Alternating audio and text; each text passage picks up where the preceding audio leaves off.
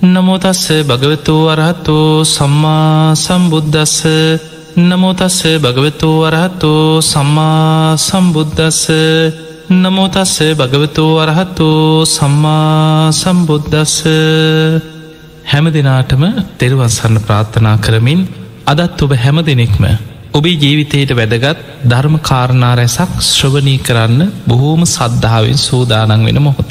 පිංහතුනේ මේ සත්වයන් උපදින සත්ව තලාතර පවතින ධර්මය අවබෝධ කිරීමට අපහසු හැබැයි පින්කං කරගන්න පුළුවන්. සද්ධාවන්ත නාගලෝක නාගයන් පිළිබඳව අපි කාරණා කීපයක් විමසල බලමු. මේ නාගයන් කොච්චර සද්ධාවන්ත පිරිසක්ද. මේ බුද්ධ ශාසනයත් එක්ක නාගලෝකි තියෙන බැඳීම කොයි වගේද. ඔබ දන්නවා ස්වර්ණමාලී චෛත්‍යරාජාණන් වහන්සේ තුළ තැම්පත් වෙලා තියෙන ඒ ද්‍රෝණයක් ධාතුන් වහන්සේලා සහිත ධාතු කරඩුව සෝනුත්තර කියන ඉරදි බල සම්පන්න මහරහතන් වහන්සේ නාගලෝකයට ගිහි නාගලෝකින් තමයි රුවන්වැලි මහාසෑයි තැම්පත්වෙන මේ ද්‍රෝණයක් ධාතුන් වහන්සේලා සහිත ධාතු කරඩුව රැගෙනෙන්නේ. ඒවගේ මයි අද මහා ආශ්චර්යමත් පෙළහරපාන සෝමාවතී චෛත්‍යරාජාණන් වහන්සේ තුළ පවතින ඒ දකුණු දළදා වහන්සේ පවා ජයසේන නාරජු නාගලෝකයේ බොහෝ කාලයක් වැඳුම් පිදුම් කරපු ඒ උතුම් දළදා වහන්සේ නාගලෝකයෙන් රැගෙන ඇවිල්ල තමයි පොළොන් නරුවයි සෝමාවතී චෛත්‍යරාජාණන් වහන්සේ තුළ තැම්පත් කරේ. ඒ වගේ මයි ඔබ දන්නවය අපේ මුදුම් මල්කඩ බඳු බොහෝම සද්ධාවෙන් මේ ලෝකවාසී බෞද්ධයන් වැඳුම් පිදුම් කරන ජයිශ්‍රී මහා බෝධීන් වහන්සේගේ දක්ෂිණ සාකා බෝධීන් වහන්සේ එදා ලංකා භූමියයට වඩම්මන මොහොතේ නාගලෝකෙ නාගයන් මහා සාගරයේදී සතියක් නාගලෝකෙට අරගෙන ගිය බව ඉතිහාස් සඳහන් වෙනවා. අපි නිසා තමයි නාලුව සතියක් පුදලද බෝධිය කියලා බෝධීන් වහන්සේ ගැන බොහොම සද්ධාවෙන් වන්දනා කරනකොට සිහිපත් කරන්න. මේ කාරණා සියල්ලත් එක්ක මේ නාගයක් බුද්ධ ශාසනයත් එක්ක තියෙන බැඳීම ඇත්තට මේ නාගලෝක නාගයන් කැන කොයි වගේ පිරිසද්ද. මේ අයට ධර්මය අවබෝධ කරන්න බැරියයි මේ අයි කොහෙද පහළ වෙලායින්න අපි ඔය වගේ කාරණා කේපයක් මේ බුද්ධ ශාසනය ගැන නාගලෝකයේ ගැන ධර්මානුකූල කාරණ ඇසුරෙන් විමසල බලමු. පිංහතුනේ අපේ බුදුරජාණන් වහන්සේ පහාරාධකින සූට්‍ර දේශනාවිදි. පහාරාධකින අසුරේන්ද්‍රයා බුදුරජාණන් වහන්සේගෙන් විමසනවා ස්වාමීනයේ භාක්‍යතුන් වහන්ස ඔබහන්සේගේ ශ්‍රාවකයෝ මේ බුද්ධ ශාසනයට මේ තරං ආස කරන්න මේ තරං ඇලුම් කරන්නේ ඇයි කියල. එතරදි බුදුරජාණන් වහන්සේ හන පහාරාද ඉස්සල්ලා ඔබ කියන්න. දෙව්ලොව ඉන්න මේ දිවි අසුරයන් මහා සාගරයට ආස කරන්නේ ඇයි මුහුදටම ඇලුම් කරන්නේ ඇයි මහා සාගරයේ ගැනම සිත්තලවාගෙන වාසය කරන්නේ ඇයි ඉසල්ලා ඔබ ඒක කියන්නකි. එතකොට පහාරාද මේ අසුරයන් දිව්ලොව ඉන්න දිවිය පිරිස මහා සාගරයට ඇලුම් කරන ආස කරන කාරණා ගැන කරුණු අටක් බුදුරජාණන් වහන්සේට පැහැදිලි කරා. මේ කාරණ අටාතර සඳහන් වෙනවා ස්වාමීනී භාග්‍යතුන් වහස මහා සාගරී කියැන අත්භූත ගුහාවක් කියන. මහා සාගරයේ තුළ හරි පුදුම විදිහේ අත්භූත ශරීර ඇති අමනුස්ස කොටස් ජීවත්වෙනවා. ඒ අගේ නම් සඳහන් කරනවා තිමි තිමංගල තිමිර පින්නල නාග අසුර ගහන්දරු. මේ සමහර අමනුස්්‍යයන්ගේ ශරීර යොදුන් සීයක් තරං විශාලයි කියෙන්. යොදුනක් යැනි සැතපුම් දාසයක් එතකොට ඔබ හිතාගන්න සමහර අමනුස්්‍යයන් මේ මුහුද ඉන්න මහා සාගරයේ තුළ ජීවත්වෙන ඇතැ අමනුස්ස කොටස් ඉන්නවා යොදුන් සීයක් තරම් විශාල ශරීර ඇති අමනුස්්‍යයෝ. සමහර අමනුස්්‍යය යොදුන් දෙසීය යොදුන් තුන්සීය යොදුන් හාරසීය තරම් විශාල ශරීර ඇති අමනුස්්‍යයන් මහා සාගරය හා මෙහා යනවා කියෙන්. අපිට පේන්නේ මේ පියවිය හැට මේ ගොරෝසු ශරීරයක් ඇති සාමාන්‍ය මනුස්සයකුට පේන්නේ මුහුදෙයින් ඔය මාලු පීනගෙන යන සත්තු ඔය වගේ ගුරෝසු සරීර ඇති ඔය සත්තු ටිකක් විතරයි මුහුදඉන්න. මේ කියන්නේ අමනුස්්‍යයෝ ගැන ඒ අයි දකින්න නම් දිවැස් නුවනක් තියෙන්න්නට ඕන්. මේ අමනුස්්‍යයෝ මහා සාගරයේ යුදුන් සිය ගනන් විශාල ශරීර ඇති අමනුස්්‍යයෝ මුහුදඉන්නවා කිය. බුදුරජාණන් වහන්සේට කෙන ස්වාමීණී භාකිතුන් වහස මේ සත්වයන්ගේ අත්භූත ශරීර දිහාත් බලලා. මේ තරං විශාල ශරීර ඇති මහා පුදුම සත්‍යයන් මහා සාගරයේ ජීවත්වෙනවා නේද කියලා දෙව්ලොව ඉන්න දිවිය පිරිස එතන දෙවියන් කියන්නේ ඒත් අසුර කියෙන් නම කිව්වට ඔබ දන්නවා තවතිසා දෙව්ලොව සුර අසුර කියලා කොටස් දෙකක්කින්. සුර දෙවියන්ගේ නායකය තමයි සක්‍ර දෙවියන්. අසුර කියන්නේ දෙව්ලෝම ඉන්න ටිකක් ගැටුමට බර දේවතාවරු කොටසක්. ඒ අගේ නායකයෝ දෙන්නෙක් ගැන සඳහන් වෙන පහරාද අසුරේන්ද්‍රයා ඒවගේ වේප චිත්ති කියෙන අසුරේන්ද්‍රය ගැන ධර්මී සඳහන් වෙනවා. එතකොට මේ දිවිය අසුරයන් මහා සාගරයට ඇලුම් කරනවා කියනවා මේ අත්භූත ශරීර ඇති අමනුස්්‍යයෝ දිහා බලලා. එතකොට අපිට මේ නංවල සඳහන් වෙන තිම්මි තිමංගල තිමිර පෙන්ඩල නාග අන්න නාගලෝකේ. නාග කියන කොටස මහා සාගරය ඇසුරු කරගෙන ජීවත්වෙන අත්භූත ශරීර ඇති හවිශාල ශරීර ඇති අමනුස්ස කොටසක් හැටියට ධර්මී සඳහන් වෙන. මේ නාගයන් දිය පහරවල් හරහා ගංගා වැව්පොකුණු හරහා ගමන් කරනු. ඔවුන් ජලය ආශ්‍රය කරගෙන තමයි ඔවුන්ගේ ජීවිත ගොඩනගාගෙන පහළ වෙලා තියෙන්. ඒවගේමයි මහා සාගරයෙන් මතුවෙච්ච. යුගන්දන කියන පරවතය වෙලාගෙන නාග විමාන පහළ වෙලා තියෙන බව දේශනාවල සඳහන් වෙනවා. එතකොට අපිට පේනවා ඒ අපිට පියවියහින් දකින්න පුළුවන් දෙයක් නෙමේ. මේ යුගන්දන පර්වතය වෙලාගත්ත නාග විමාන ඒ වගේ භූමිංජර කියන නාග භවන් යුගන්දර කියන නාග භවන් මේ වගේ නාග භවන නාගලෝක නාගයන් ගැන නොඒ කාරණා සඳහන් වෙනවා. ඒ අය අතර නාග රජවරු නා පිරිස දැං ඔබ දන්නව සතරවරන් දෙවියන් අතරත් නාගයන්ට අධිපති දේවතා කෙනෙක්කින්නවා. ඒ දෙවියන් බුදුරජාණන් වහන්සේ ඉදිරියේ ඇවිල්ලා වෛශ්‍රවණ දෙවියන් කාරණා කියද්දී එතන සඳහන් වෙනවා ආටානාටිය සූත්‍රයේ නාගෝවා නාගිනීවා නාග පෝතකෝවා නාග පෝතිකායවා නාග මහාමාත්තුවා නාග පාරිසජ්ජෝවා නාග පවාරෝවා මේක සඳහන් වෙන නාගේක් නාගිනියක් නාග පැටවෙක් නාග පැටවියක් නාග මහාමාත්‍යවරයෙක් නාග රජ කෙනෙක්. එතකොට මේ වගේ නාග පිරිසේ යම් කිසි කෙනෙ කරදරයක් හිරිහැරයක් බුදුරජාණන් වහසගේ ශ්‍රාවකයන්ට අනතුරක් කරනවන අන්න එතනදි සතරවරන් දෙවියන් අතර නාගයන්ට අධිපති දේවතාවෙක්කින්නවා ඒ දෙවියන් බුදුරජාණන් වහන්සේගේ ශ්‍රාවකයන්ගේ ආරක්ෂාව වෙනුවෙන් ඉදිරිපත් වෙන. ඊළඟට බුද්ධ චරිතය අපිට මුණගැහෙනවා බුදුරජාණන් වහන්සේ බුද්ධත්වයට පත්වෙන්න පෙර.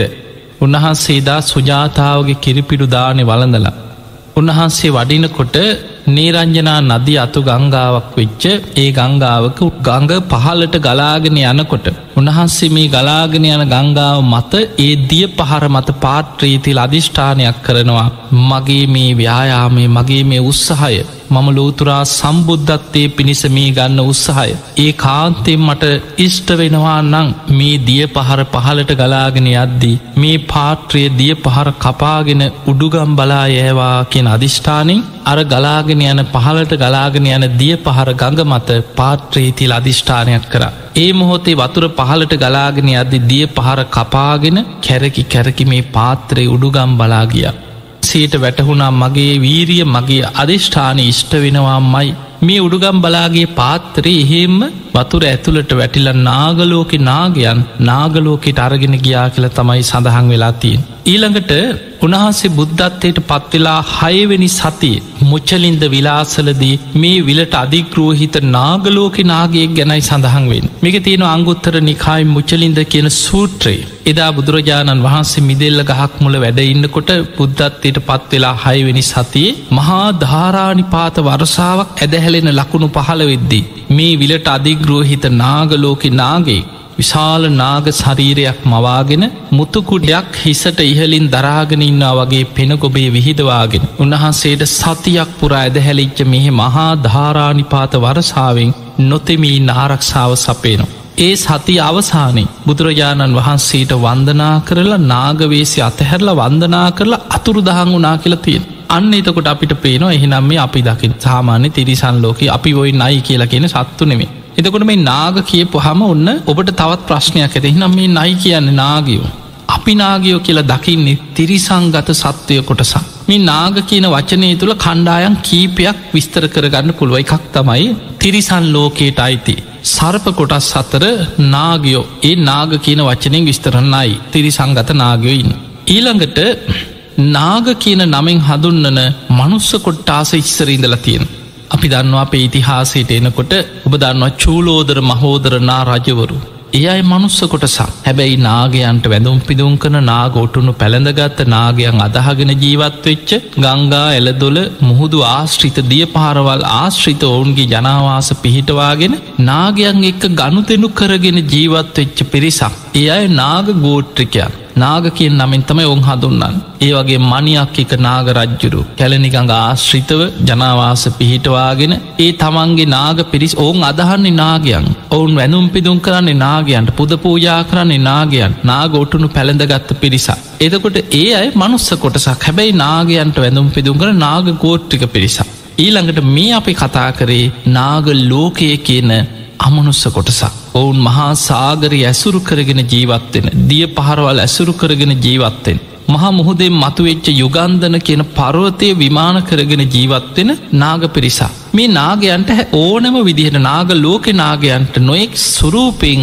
ශරීර මවාගෙන පෙනීන්න පුළුවන්කම තියෙන ඔවුන් නාග විදිහට මනෙමේ ඔහුන්ට මනුස්ස ශරීරයෙන් පෙනීන්න පුළුවන් නොෙක් විදිහට වෙස්වලාගන්න පුළුවන්කම තියෙනවා. ධර්මයි සඳහන් වෙනවා අපේ බුදුරජාණන් වහන්සේ ජේතවනහාරාම වැඩඉන්න කාලේ නාගලෝක නාගේ මනුස්ස සුරූපෙන් වෙස් වලාගෙන පැවිදිවිච්ච ශාමීන් වහන්සේ නමක් වගේ වෙස් මවාගත්තා. මේ ධර්මයට තියෙන ආසාාව නිසා නිවන් දකින්න තියෙන ආසාාව නිසයි පැවිදි භික්ෂුවක් වගේ වෙස් වලා ගත්තේ. ජේතවනාරාමට ආගන්තුක වඩින භික්‍ෂූන් වහසල ඇත පලාත්වලින් නොය ගම්නියම් ගම්වලින් බුදුරජාණන් වහන්සේ දකින්න බණහන්න බොහෝ ස්වාමීන් වහන්සේලා නිතර වඩිනවා. මේ වඩින පිරිසත් එක්කම අර නාගයත් භික්ෂුවක් විදිහට වෙස් වලාගෙන දවසක් ජීතවනාරාමයට පැමිණිය. පැමිණිලා දැන් දම් සභා මණ්ඩපේ පිරිස බණහන්න සූදානං වෙච්ච වෙලා මේ පිරිස අතරෙම ස්වාමීන් වහන්සේ අතරින් ගිහිම් වාඩි වුණ දැන් වාඩි වෙලා බණහන්න බොහෝම ආසාාවෙන් සද්ධාවෙන් බණහන්න බලාගෙන ඉන්නවා. එදා බුදුරජාණන් වහන්සේ දම් සභා මණ්ඩපේට වැඩම කරලා උන්වහන්සේ දහම් දෙස්ව බුදුරජාණන් වහන්සේ බුදුවැසින් දැක්කා. මේ මනුස්සෙක් නෙමෙයි මනුස සුරූපෙන් වෙස්මවාගෙන හිටියට හැබැයි බුදුරජාණන් වහන්සේ දන්නවා තමන් වහන්සේ ළඟට මේ ප්‍රශ්නය එනවා. එනිසා උන්වහන්සේ ඒ ගැන කතා නොකර උන්වහන්සේ දහම් දෙස්වා දේශනාව අවසාන බුදුරජාණන් වහන්සේ තමන් වහන්සේගේ ගන්ධ කුටියට වැඩම කර. තැන් අර ආගන්තුකෝ වැඩම කරපු භික්‍ෂූන් වහන්සේලාට ජේතවනාරාමී තුළ ආගන්තුක කුටි සෙනසුන් පනවල තියෙන. බොහෝ භික්‍ෂූන් වහන්සේලා ඇත පලාත්වලින් ආගන්තුකෝ වඩිනු. උන්වහන්සේලට වැඩ ඉන්න කුටි සෙනසුන් ආවාස පනවල තියෙන. දැම් මේ නාගේ මනුස්ස සුරූපෙන් විශ්වලාගෙනාවත් මේ කෙනාටත් කුටියක් ලැබුණ දැන් භික්ෂුවක් වගෙනන්නේ ආගන්තුක කුටියක් ලැබුණ. තැම් මේ කුටියට ගියා. ටික වෙලාවකින් ආගන්තුක ස්වාමීන් වහන්සේලාගේ කුටිවල අඩුපාඩු බලන ස්වාමීන් වහන්සේ නමක් හිටිය. උන්වහන්සේ සාමනේර ස්වාමීන් වහන්සේ නමක්. උන්වහන්සේ ඉතින් බලනවා කුටිවල වතුර තියෙනවද පැම්බාජන තියෙනවද? මෙන්න මෙතනයි ස්වාමිනී වැසිකිලේ තියෙන්නේ. මෙන්න පැම්බාජන මෙන්න පඩික්කම මෙන්න ඔබහන්සේලට මොනවද අවශ්‍ය? කුටිවලට මේ විදිහට අඩුපාඩු බලාගෙන රාගන්තුක ස්වාමීන් වහන්සේලාගේ විස්තරහගෙන යනකොට මේ ස්වාමීන් වහන්සේගේ කුටියටත් ගිහිල්ලා කුටිය දොරට ඇගිල්ලෙන් තට්ටු කරනකොටම දොරවහගෙන නෑ දොර ඇරුණා. දොර ඇරෙනකොට කුටියෙන් එකයි විශාල දරණ ගහගත්ත නාගෙක් මුළු කුටියම පිරෙන්න්න දරණ ගහගත්ත නාගේ. උන්හසට විශාල බියක් ඇතින මේ රහතන් වහන්සේ නමක් නෙමේ පොඩි හාමුදුරුකෙන උන්හන්සේට බියක් ඇති වුණා ඒ බයවෙච්ච පාර නතර වුණේ බුදුරජාණන් වහන්සේගේ කුටිය ළඟමයි. ගිහින් කිවනේ ස්වාමීණී භාකෙතුන් වහන්ස මං කවදාවත් දැකලනෑ අසවල් කුටිය පිරෙන්න්න මහ විශාල නාගයෙක් කියෝ. මේ කුටිය හිටිය ස්වාමීන් වහන්සේනමක් උන්වහන්සේට අනතුරක් වෙලා දන්නෑ කිය. බුදුරජාණන් වහන්සේ දන්නවා කෞදමි බුදුරජාණන් වහන්සේ වදල භික්ෂුව ඔබ ආයමත්තේ කොටිය ළඟටයන් හැබැයි කොටියට ගිහිල්ල දොරාරින්න යන්න එපා. ඔබ එලිය ඉඳං ඈත ඉඳං උගුර පාදල කතා කරන්න. එතකොට කෙනෙක් සිවරක් පොරෝගෙන එලියට එකකිව අන්න ඒ කෙන එක්කං එන්න කිව තතාගතයන් වහන්සේ ළඟ. දැම් බයිම් බයෙන් මේ ශාමීන් වහන්සේ අර කුටිය ඉස්සරහට ගිහිල ඇත ඉඳං උගුර පාදල කතා කර. කතා කරනකොට දැම්මේ නාග සුරූපෙන් නිදාගන්න සූදානං වෙච්ච නාගයා ආයමත් මනුස්ස සුරූපෙන් භික්ෂුව වගේම වෙස්මවාගෙන සිවර පොරෝගෙන එලියටාව එතකට කිවන්න තතාගතයන් වහන්සේ ඔබට කතා කර.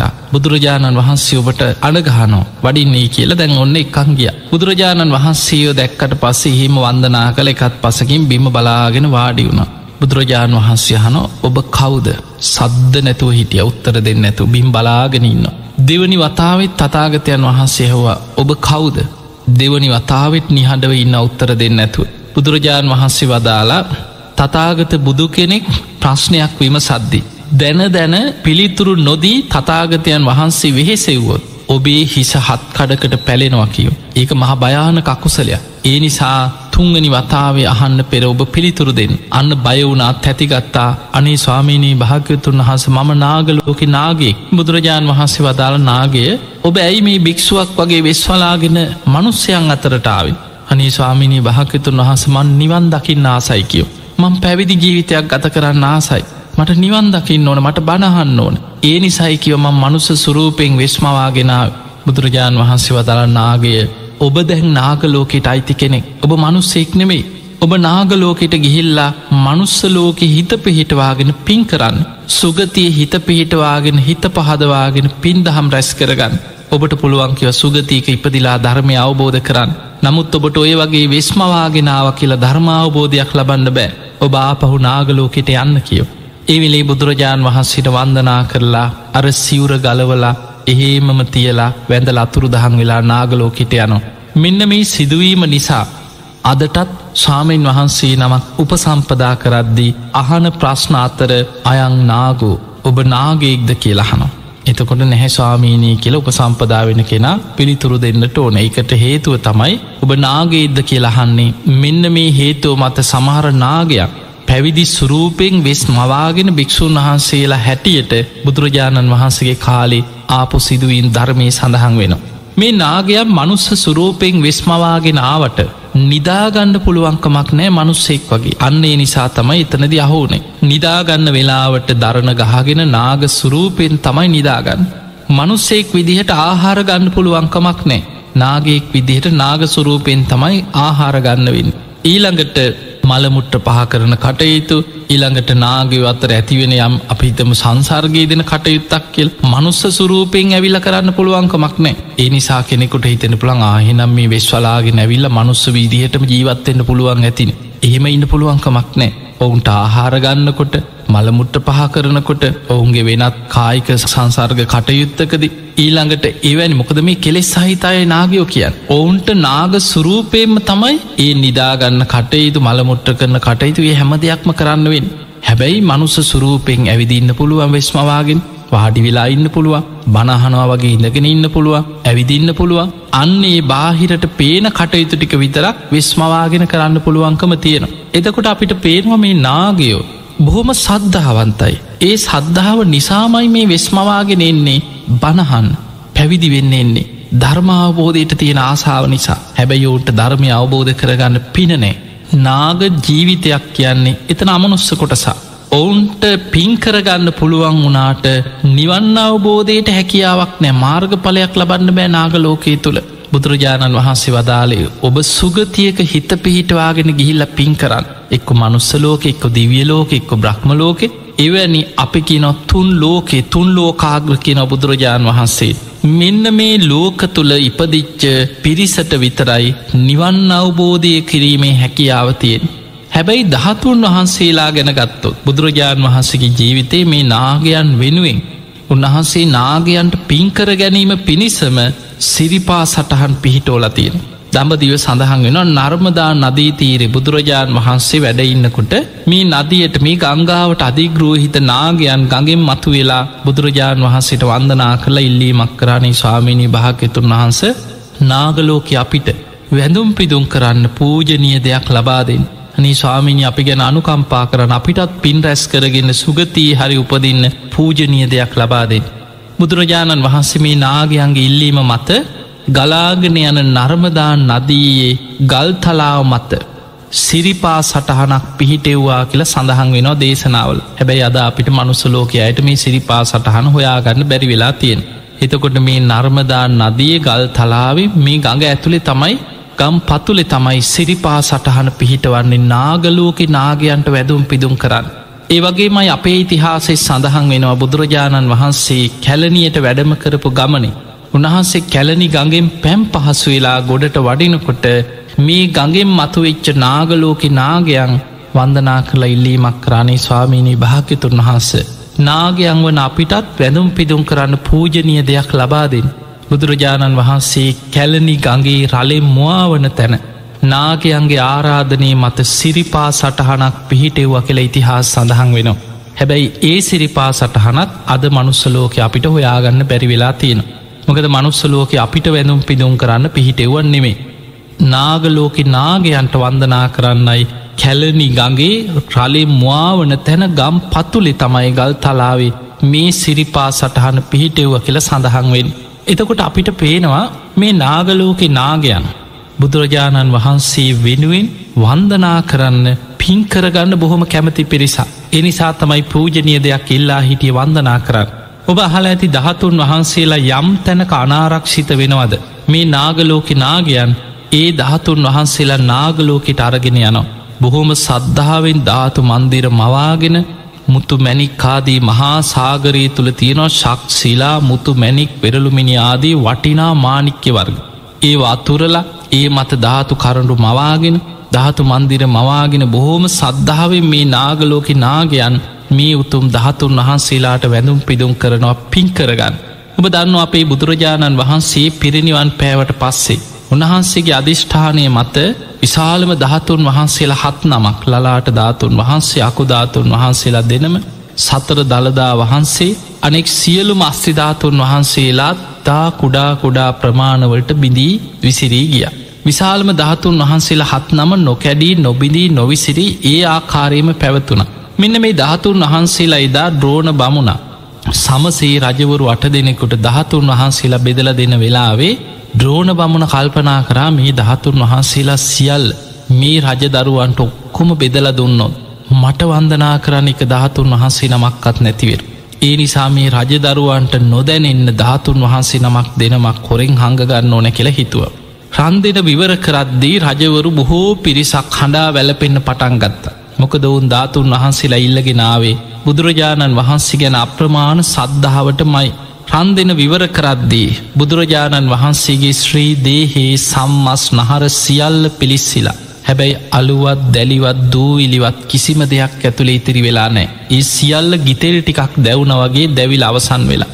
උන්හන්සේගේ ශ්‍රී දේහෙ ඔතල තිබිච්ච කපුපොළුම් පටල පන්සීය සිවුරු පන්සියෙන් හාරසි අනුවටක් දැවිල පිලිස්සිලා. ඒවයවත් අලුවත් දැලිවත් දූවිලිවත් ඉතිරි වෙලා නෑ. ඒ සියල්ල බුද්ධ අධිෂ්ඨානය මත තුරු දහන් වෙලා. හැබැයි සිවුරු දෙකක් ඉතිරි වෙලා බුද්ධ අධිෂ්ඨානින් ඒ දෙක අතරේ ලලාට ධාතුන් වහන්සේ සතර දළදා වහන්සේ අකුධාතුන් වහන්සේලා දෙනමත් අනෙක් බිදී ගිය ධාතුන් වහන්සේලාත් වෙංවෙංව පවතිනවා.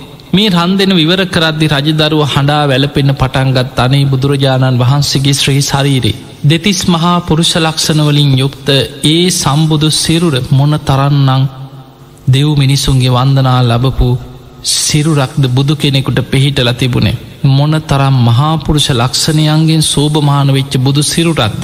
අනි අදේ බුදුරජාණන් වහන්සේගේ ශ්‍රී ශරීරේ හස්තිධාතුන් වහන්සේලා කීප නමක් විතරක් නේද ඉතිරි වුණේ අනෙක් සියලුම ශරීර කොටස් අලුවත් දැලිවත් දූවිලිවත් නැතුව අතුරු දහන් වෙලා කියලා රජදරුව හඬන්න පටන්ගත්ත රන් දෙෙන විවර කරද.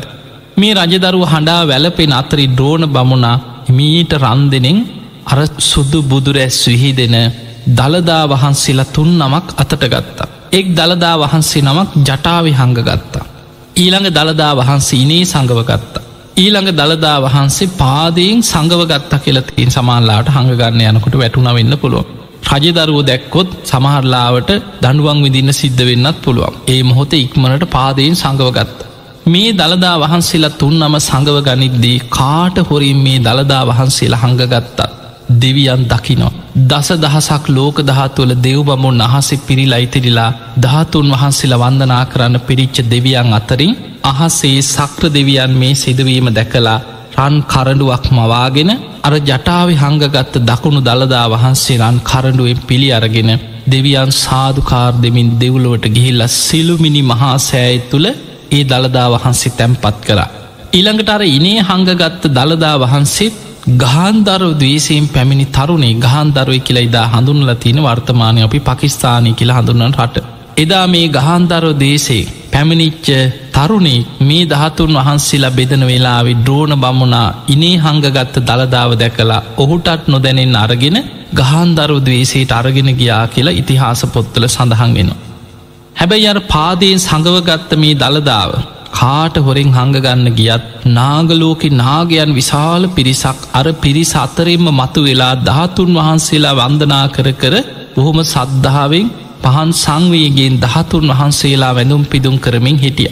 මේ නාගයන් දැක්කම්. ඒ සැනින් ජයසේන නාරජුට දැනුන් දුන්න. නාග පිරිස බොහොම සතුරට පත්වෙලා පාදයෙන් සඟවගත්ත දකුණු දළදා වහන්සේ පොළොව ඇතුළෙෙම්ම නාගලෝකට අරගෙන ගියා. අරගෙන ගිහිල්ලා ධාතු මන්දිරයක් මවාගෙන නාගලෝකි තැම්පත් කරලා බොහෝ කාලයක් නාගලෝක අප්‍රමාණ සද්ධාවෙන් මේ දළදා වහන්සේට වන්දනාමාන කර. මේ උතුම් දකුණු දළදා වහන්සේ තමයි අද පොළොන් නරුයි සෝමාවතී පුදබිමේ සෝමාවතී චෛත්‍යරාජාණන් වහන්සේ තුළ මහා ආශ්චර්යමත් පෙළහර පාමින් වැඩ සිටින්නේ මේ උතුම් දකුණු දළදා වහන්සේ. එතකොට අපි දන්නවා මේ උතුම් දකුණු දළදා වහන්සේ.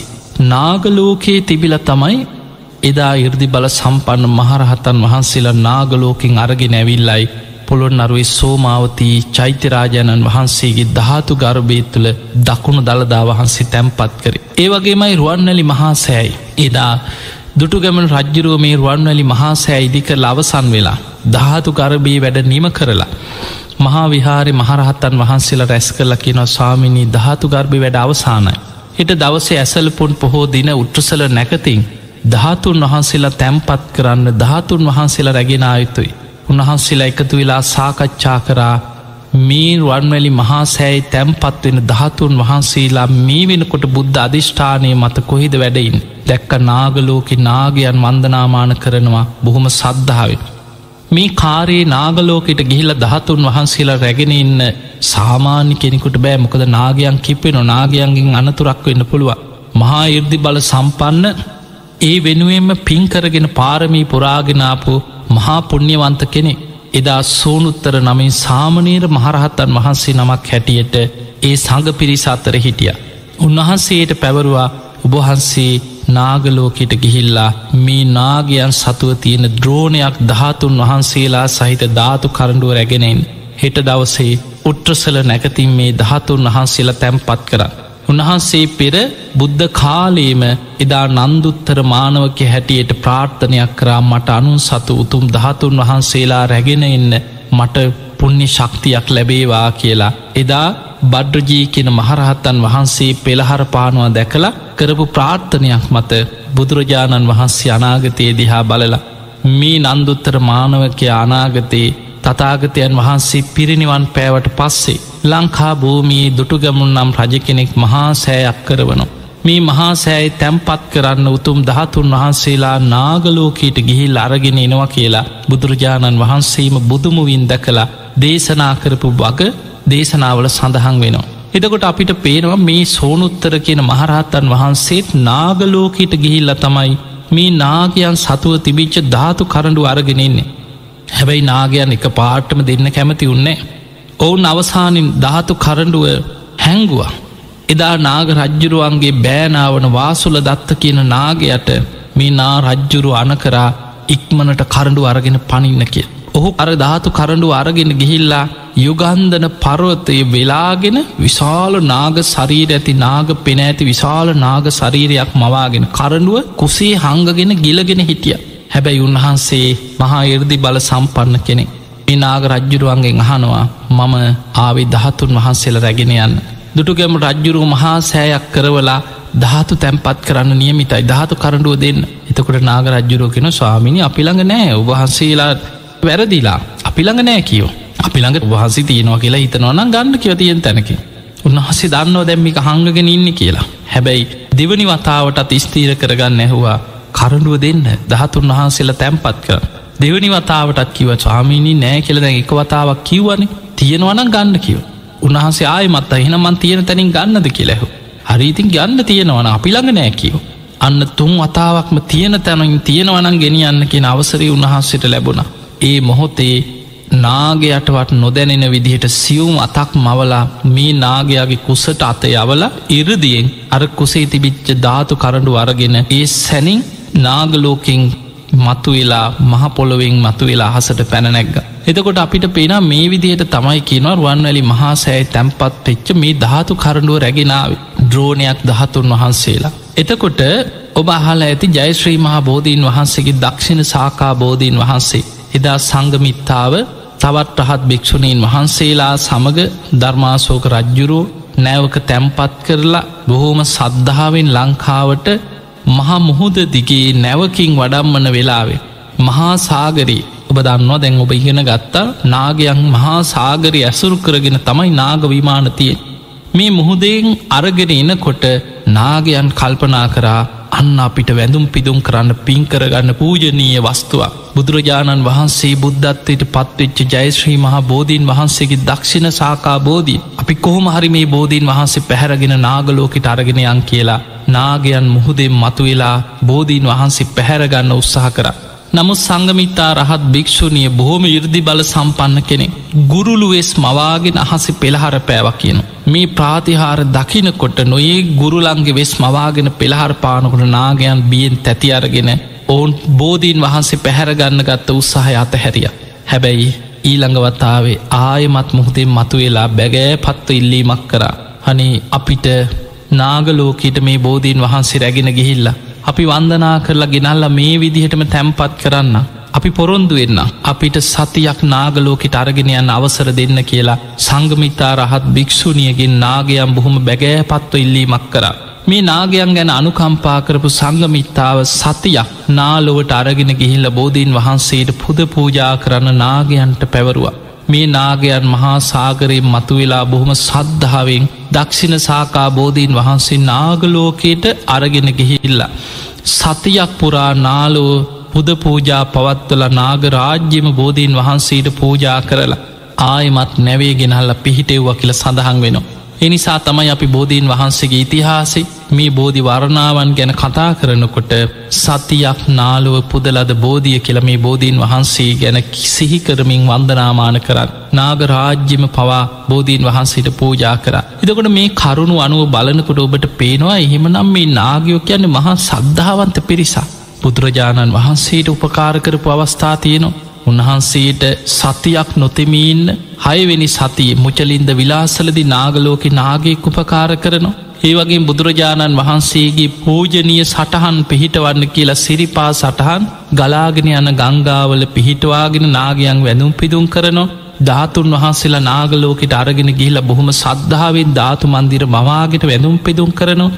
මේ සියල්ල කරන්නේ නාගයන් සුගතියක ඉපදිලා නිවන්න අවබෝධ කරගන්න පින් කරගන්න.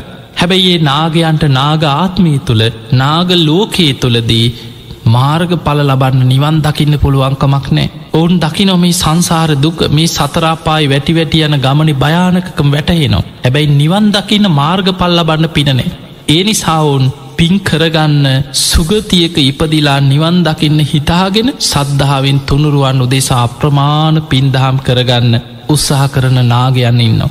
මේ නාගයන් අතර දරුණු නාගයෝ බොහොම කිපිච්චනාගයෝ පලිගන්න සුරූපේ නාග පිරිසත් ඉන්න. ඒ අතර සද්ධාවන්ත නාගයොත් ඉන්න. මේ විදිහට ගත්තහම අපිට පේනවා අපිට නොපෙනෙන. මේ නාග ලෝකය කියන්නේ මනුස්ස සුරූපෙන් වෙස්මවාගන් පුළුවන් නොෙක් සුරූපෙන් පෙනීන්න පුළුවන් දිය පහරවල් ජල පහරවල් හරහා ගමන් කරලා ඔවුන් මහා සාගරය ඇසුරු කරගත්ත විමානවල ජීවතෙන මහා අත්භූත ශරීර ඇති අමනුස්ස කොටසක් හැටියටයි මේ නාගයෝ ගැන දේශනාවල සඳහන් වෙලා තියෙන්. එනිසා පිංගතුනේ අදටත් නාගලෝකෙ මේ නාගයන් බොහොම සද්ධාවෙන් මේ ධාතුන් වහන්සේලා වෙනුවෙන් වැඳුම් පිදුම් කරනු.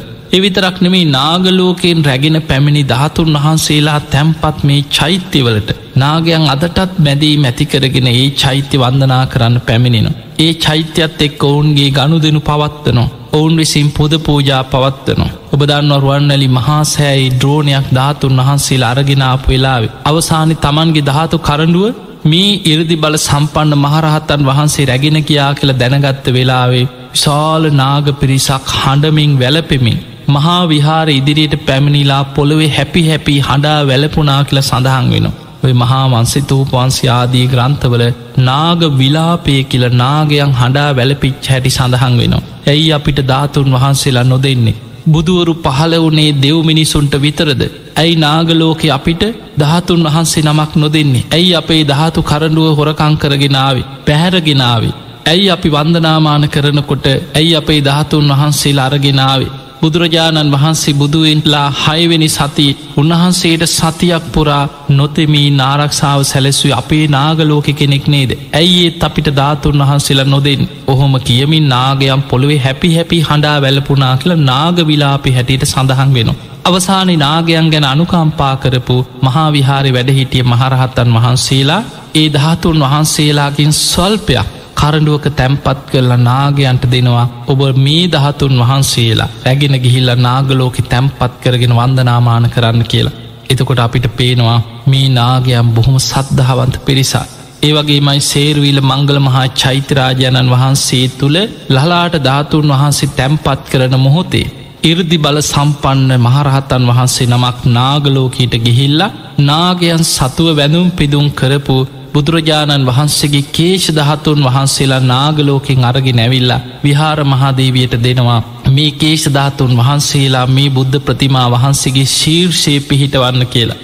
එදා කාවන්තිස්ස රජ්ජුරු ලලාට ධාතුන් වහන්සේ ඒ බුද්ධ ප්‍රතිමා වහන්සේගේ ධාතු ගර්භය මත බුදුරුවක් සත්රුවනින් නිර්මාණය කරලා. ඒ බුදුරුවේ නලල් තලේ මත ලලාට ධාතුන් වහන්සේ පිහිටවලා අර නාගලෝකින් අරගෙනාපු කේෂධාතුන් වහන්සේලායි බුදුරුවේ ශීර්ෂය මත පිහිටෙව්වා කියල සඳහන් වෙනවා. එතකොට අපිට පේනවා මේ කේෂධාතුන් වහන්සේලා සරුවච්ඥ ධාතුන් වහන්සේලා යම් තැනක අනාරක්ෂිත වෙනවද නාගලෝක නාගයන් සැනින් තමන්ට අරගෙන යන්න පුළුවන්න නාගලෝට්කිට අරගෙන යනම් ඒ ඔවුන් තුළ තියෙන සද්ධාව නිසයි.